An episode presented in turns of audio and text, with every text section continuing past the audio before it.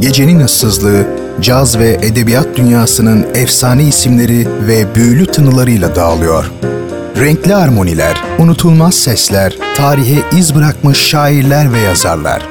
Artık hepsi şehrin en gerçek frekansında. Leyla Ceren Koç'la Caz Bulvarı her pazar 23'te 93.5 Radyo Gerçek'te. Caz Bulvarı başlıyor.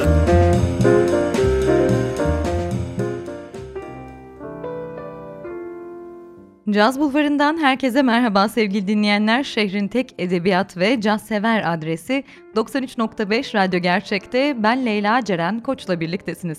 Birkaç haftadır programda yine caz sanatçılarından bahsediyordum. Sadece veya röportajlar oluyordu ancak bu hafta seyri biraz daha edebiyat ve felsefe noktasına çekeceğiz ve tek bir isimden bahsedeceğim sizlere. Hayatını anlatmaya çalışacağım. O isim de Friedrich Nietzsche olacak. Konu Nietzsche olunca da gördüğünüz gibi tüm programı ona ayırmak oldukça makul.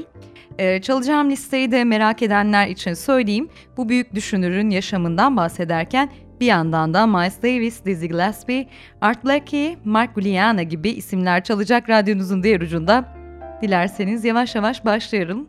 E, Caz Bulvarı başlıyor. Hoş geldiniz.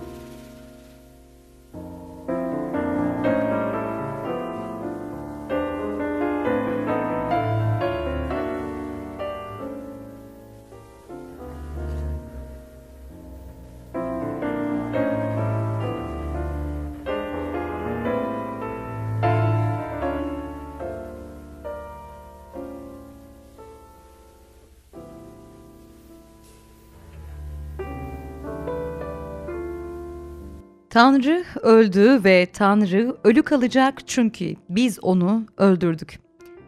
Kendini sahte İsa diye tanımlayan Nietzsche'nin çocukluğu ironik bir şekilde Hristiyan bir çevrede ve adeta coşkuyla geçmiş.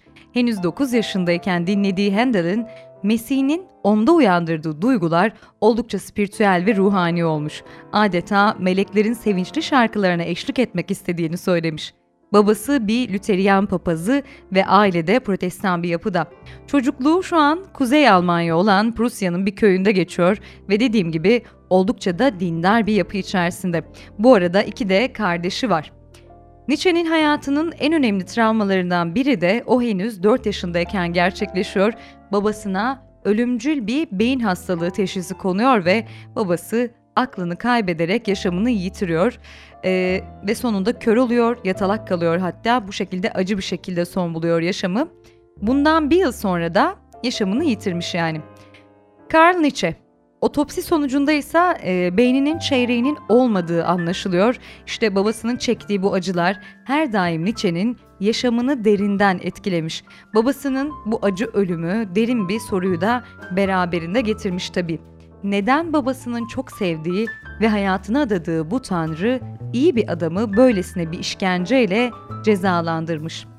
İşte bu şüphe Nietzsche'nin yolculuğunun başlangıcı oluyor. Ve 1864'te 20 yaşındayken ilahiyat okumak üzere Bon'a gidiyor düşünür ve amacı da babası gibi bir Lüteryan papazı olmak. Bu okulda geçirdiği sürede ise yeni bir metodun etkisi altında kalmış, İncil'i incelemek için kullanılan ahitsel eleştiri adı verilen tartışmalı bir metot yeni ahit. Buna göre ise kutsal metinler birer mit olabilir ve güvenilirlikleri e, şüpheli. Tabii Nietzsche için bu oldukça sarsıcı bir olay oluyor. Aslında şüpheleri için gerekli zemini buluyor da diyebiliriz. Bu araştırmalar ve incelemelerinin sonunda ise inancını kaybeden düşünürün bu andan itibaren ailesiyle de arası ciddi anlamda açılıyor, bozuluyor diyebiliriz. Nietzsche bu aşamadan sonra artık Hristiyanlığı kaybedilen bir din olarak değil de kişinin dünyadan sağlıklı olmayan bir şekilde bağlantısının kesilmesini teşvik eden tehlikeli bir etki olarak görmeye başlamış e, dini. Buna göre dünya Tanrı'dan umutsuz bir sürgün yeri haline geliyor. Hayat kutlamaktan öte dayanılması gereken acı ve ıstıraptan ibaret oluyor. İşte bu kalıplar Nietzsche'nin sonraki 20 yıl boyunca yaşamını yönlendirecek izler haline geliyor.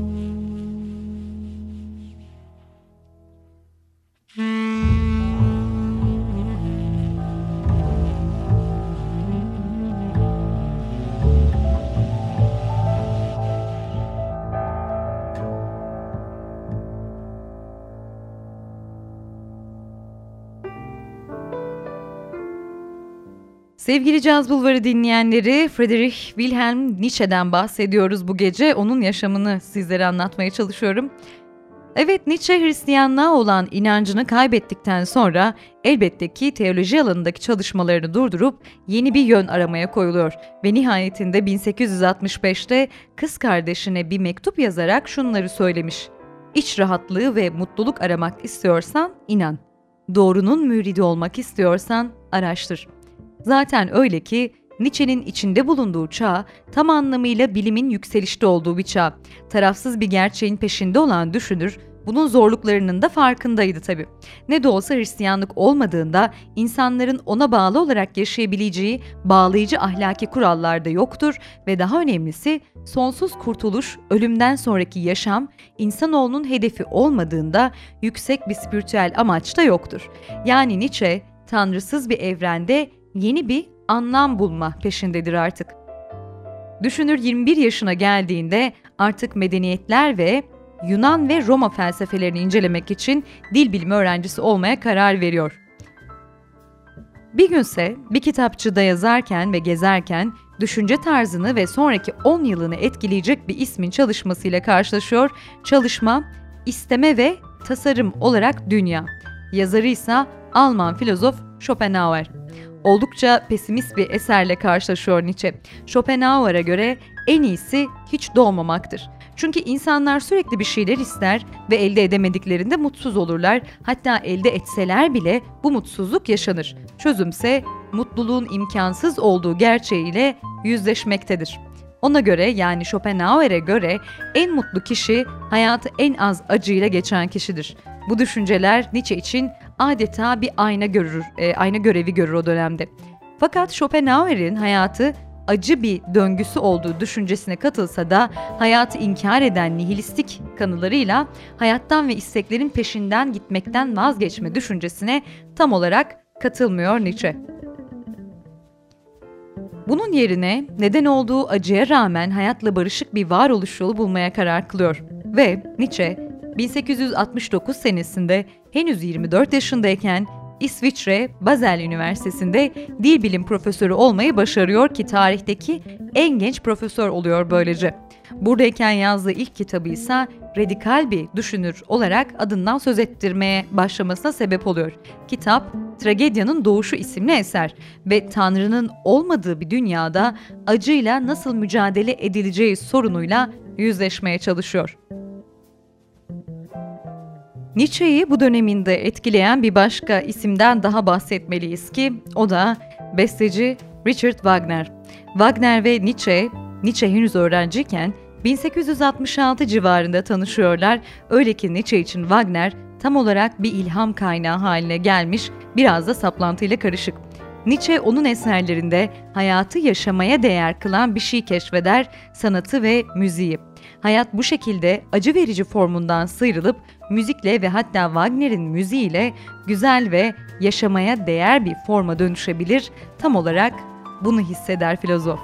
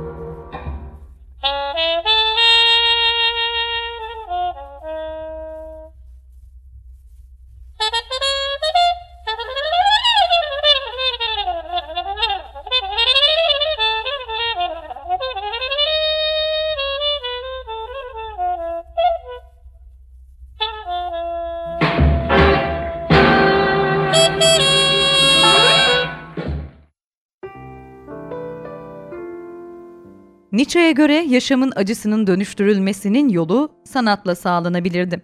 Dönemin adeta rock yıldızı gibi olan Wagner ve sanatı ise bunun için oldukça doğru bir noktaydı.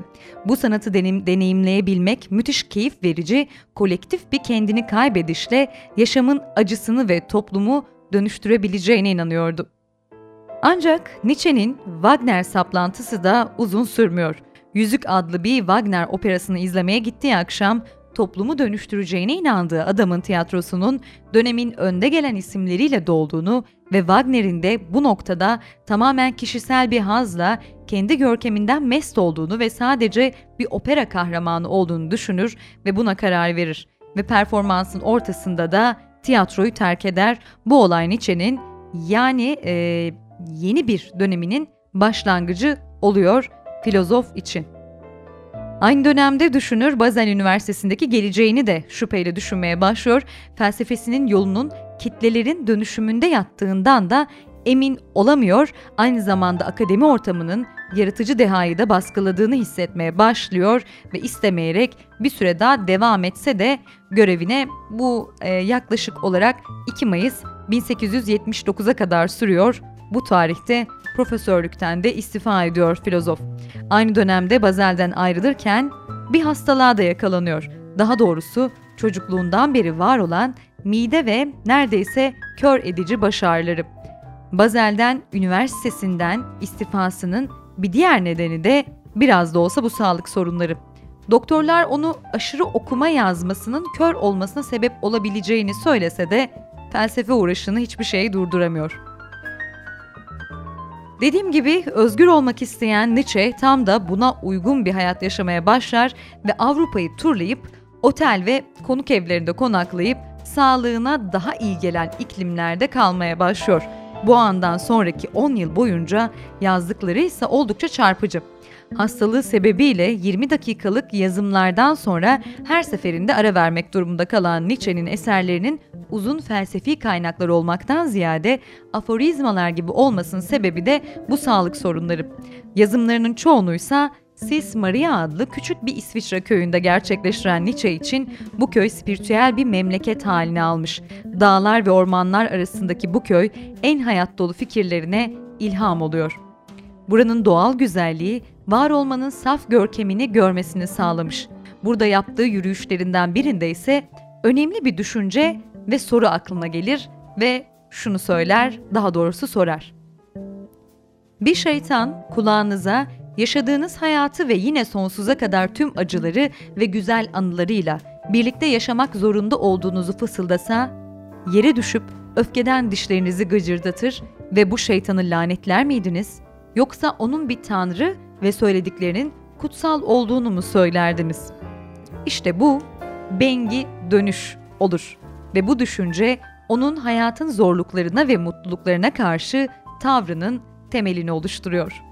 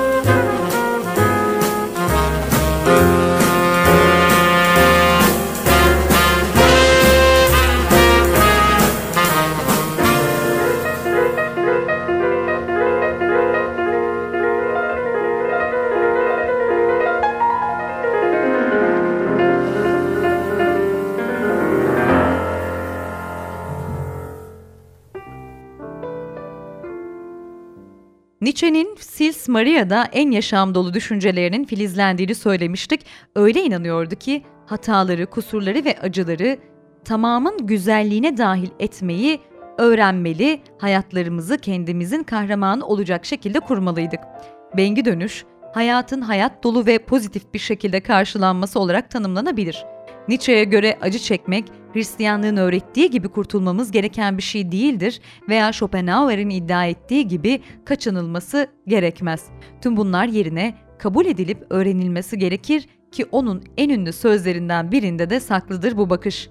Seni öldürmeyen şey güçlü kılar. İşte tüm bu çözümlemelerin eşiğindeyken kendi sözünün test edilişini yaşıyor diyebiliriz ünlü filozof. 1882 baharında Nietzsche inzivasını sonlandırıyor. Bunun sebebi ise bir kadına olan aşkı. Bahsettiğim kadınsa bilenlerin kolaylıkla tahmin edeceği gibi Lou Salome. 21 yaşında Rus, akıllı, güzel ve Nietzsche'nin düşüncelerine de hayran bir kadından bahsediyorum. Nietzsche bu aşk için, e, daha doğrusu bu aşk içinde belki de kelimenin tam manasıyla büyüleniyor. İkili saatlerce uzun yürüyüşler yapıp felsefe tartışarak dış dünyadan biraz da soyut yaşıyorlarmış bu anlamda. Nietzsche bir kere arkadaşları Paul Rie aracılığıyla ve bir kere de kendisi olmak üzere Salome'ye iki kere evlilik teklif ediyor. Ancak Lou geleneksel bir ilişki istemiyor ve Viktoryen bir ev yaşamına kısılıp kalmak istemediğinden orijinal biri olduğundan sonuç olarak e, bu evlilik tekliflerini reddediyor. Bu reddediliş Nietzsche'yi tabii ki ciddi anlamda yıkar İşlerin ilginç tarafı ise filozofun kız kardeşinin de Lou'yu kıskanarak bu ilişkiye olumsuz anlamda dahil olması olur. Elizabeth yani Nietzsche'nin kız kardeşi Nietzsche'nin aşkını annelerine öyle bir anlatır ki annesi onun babasının mezarına kara leke sürdüğünü söyler. Ailesiyle iyice arası açılan düşünürün bu kötü dönemini başka bir düşkün dönem takip eder ve bu dönemde de işte tam olarak dediği gibi düşünür seni öldürmeyen şey güçlü kılar. Sis Maria'ya geri dönen düşünür gerçekten de çok kötü bir döneme girer. Kitapları satmaz, sağlığı kötüdür ve genellikle de intihara meyilli bir hale gelir. Mart 1883'te ise şöyle yazmış defterine. Benliğimin en derinlerine sarsılmayan kara bir melankoli hakim, 6 aydan fazla yaşamak için hiçbir neden göremiyorum. İşte bu ızdıraplı dönemde Nietzsche bir yandan da bu durumdan kurtulması gerektiğinin de farkına varır ve kendini yeni bir kitap yazmaya verir. Ve tabii ki o kitap Nietzsche'nin belki de gelmiş geçmiş en ünlü eserlerinden biri oluyor. Böyle buyurdu Zerdüşt. Bu eser bilindiği gibi büyük bir başarı yakalar. Richard Strauss gibi bestecilere, Joyce, Kafka, Camus gibi yazarlara ilham olur. Bu İncil parodisi Zerdüşt adında mistik bir karakterin spiritüel yolculuğunu konu alır ve pek ünlü Übermensch, üstün insan kavramı bu eserle doğar.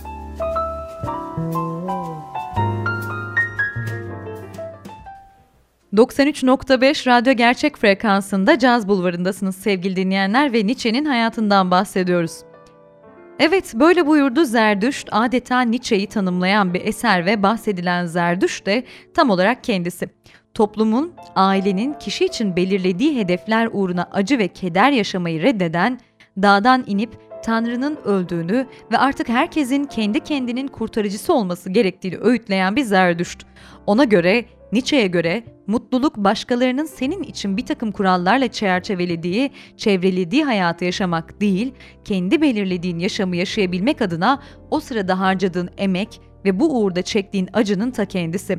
Yani hatta neredeyse acı mutluluk için gereklidir noktasına bile gelinebiliyor. Evet Nietzsche bu dönemin ardından Avrupa yolculuğuna da devam ediyor. Bir yandan sağlığı da oldukça kötüye gitmeye devam ediyor ancak o üretmekten vazgeçmiyor ve İyi ve Kötünün Ötesinde adlı eserini ortaya çıkarıyor. 1886'da kendi imkanlarıyla yayınladığı eser eleştirmenlerden büyük tepkiler alıyor. Ardından çıkan bir diğer eseri Ahlakın Soykütüğü de aynı şekilde karşılanmış. Hristiyanlığa karşı tam bir savaş niteliğindedir bu eserler. 19. yüzyıl entelektüelleri dini reddetse de hala aynı değerlerle yaşadıklarından ciddi anlamda özellikle iyi ve kötünün ötesinde adlı eserden nefret ederler. Nietzsche'ye göre Hristiyan ahlakı tam olarak bir köle ahlakı. Zayıf ve güçsüz olanlara umut vaat eden bir köle ahlakı. Ona göre ise eğer insanlık ayakta kalacaksa önemli bireylere ihtiyacı var. Ve bu olası bireyler Hristiyan ahlakının baskısı sebebiyle ortaya çıkamıyorlar. Ve tüm bu çözümlemelerinin ardından Nietzsche mektuplarında bir sonraki eserinin bir değerler sistemini anlatacağı başyapıt olacağından söz eder ancak ne yazık ki bu gerçekleşemez. Nisan 1888'de Nietzsche İtalya Torino'ya taşınıyor ve akli dengesinin yerinde olduğu hayatının geri kalanında burada yaşar. Torino'ya yerleştiği dönemse en mutlu dönemi oluyor hayatının. Ard arda dört kitap yazar. Şehrin sokakları ona gerçek anlamda keyif ve huzur verir. Ancak ne yazık ki bu çok sevdiği şehirde akıl sağlığı bozulmaya başlar. Bu en çok mektuplarında anlaşılır. Mektuplarını geçmişinden bugüne felsefesinde andığı, yola çıktığı veya yarattığı kimliklerin adıyla imzalamaya başlar. Dionysos, sahte İsa, çarmıha gerilen. Mektuplar tuhaf ve karmaşıktır. Kaldığı evde saatlerce kendinden geçerek piyano çalar ve insanlık tarihini ikiye ayıracağı bir olaya hazırlandığını iddia eder ve megalomanlık eğilimindedir. Kaldığı evin sahipleri bazı geceler çırılçıplak bağırarak evde hoplayıp zıpladığını söylerler. Ve bir gün Torino meydanında bütün e, bu ruh hali son noktaya geliyor diyebiliriz. Bir faytoncunun atını kırbaçladığını gören Nietzsche ata sarılarak, sarsılarak ağlamaya başlar ve yere yığılır. Bundan bir hafta sonra da Bazel'de bir akıl hastanesine kapatılıyor. Henüz 44 yaşında ve tarihin en önemli dahilerinden olan Nietzsche bir daha akıl sağlığına kavuşamaz. Sonraki 10 yılsa hiçbir şey yazamıyor. Ölümünden 3 yıl e, önce kız kardeş Elizabeth'in yanına götürülmüş. Bu 3 yıl içinde kız kardeşi ise onu adeta bir şov gibi merak edenlere sergiliyor. Bugünse o ev bir Nietzsche mabedi haline getirilmiş. 1900'de Nietzsche'nin ölümünün ardındansa kız kardeşi Elizabeth onun son çalışmalarını bir araya getirerek yayınlamak istiyor. Birçok farklı editörle çalışan Elizabeth eğer onunla aynı fikirde değillerse onları kovuyormuş. Bu arada yayınlamak istediği çalışma Güç İstenci adında bir koleksiyon ki Nietzsche'nin bu defterleri yayınlamamasında önemli sebepler yatıyordu. Çalışmanın kimi yerlerinde kendi felsefesiyle ters düşüyordu çünkü Nietzsche. Sonuç olarak Nietzsche'nin defterleri yıllarca abisinin gölgesinde yaşamış, ona hayranlık da beslemiş olan Elizabeth'in politik amaçları doğrultusunda düzenlenip manipüle e, edilir ki Elizabeth bir Nazi destekçisi bu arada. Hatta Hitler'in Liz'i ziyaret ettiği bir gün e, Elizabeth Adolf'a Nietzsche'nin bastonunu veriyor. Tabi bir yandan da tüm Avrupa'da Nietzsche'nin inanılmaz tanınmasını da sağlıyor kız kardeşi ancak bir yandan da güç istenci tam bir nasyonalizm aracı gibi manipüle ediliyor. Eğer Nietzsche'nin sağlığında yaşansaydı tüm bunlar mutlaka ki kahrolurdu. Evet sevgili dinleyenler, yavaş yavaş Caz Bulvarı'nın e, sonuna geldik. Hatta sonundayız. Bugün elimden geldiğince sizlere tarihin en büyük dahilerinden, düşünürlerinden biri Friedrich Nietzsche'den bahsetmeye çalıştım. E, kısaca bahsetmeye çalıştım, özetlemeye e, çalıştım. Bu arada yararlandığım birçok kaynak var ama kesinlikle izlemenizi tavsiye ettiğim özellikle Nietzsche'ye ilgi duyanlara tavsiye ediyorum. Tabii ki bir belgesel var ki o da Modern Dünyanın Dahileri adlı belgeselin Nietzsche bölümü. Zannediyorum ikinci e, bölümü olması lazım belgeselin. Çünkü belgeselin birinci bölümünde e, Marx, ikinci bölümünde Nietzsche, üçüncü bölümünde de Freud'dan bahsediyor, e, bahsediliyor. Modern Dünyanın Dahileri adı altında. Evet 93.5 radyo gerçek frekansındasınız sevgili dinleyenler. Caz Bulvarı'ndaydınız. Ben Leyla Ceren Koç'la birlikteydiniz. Bu hafta dediğim gibi tekrarlıyorum. Ünlü filozof Friedrich Wilhelm Nietzsche'den bahsettik. Elimden geldiğince bahsetmeye çalıştım. Onun hayatını sizlere aktarmaya çalıştım. Ve kesinlikle eserlerinin kütüphanenizde bulunması gerektiğini de e, düşünüyorum. Evet Caz Bulvarı dinleyenleri Caz Bulvarı sona erdi. Haftaya yepyeni isimlerle tekrar buluşuncaya dek kendinize iyi bakın. Yeniden görüşünceye kadar hoşçakalın.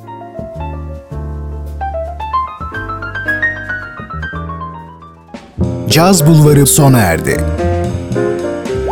Bu program hakkındaki düşüncelerinizi dinleyen et radyogercek.com adresine mail atarak bize ulaştırabilirsiniz.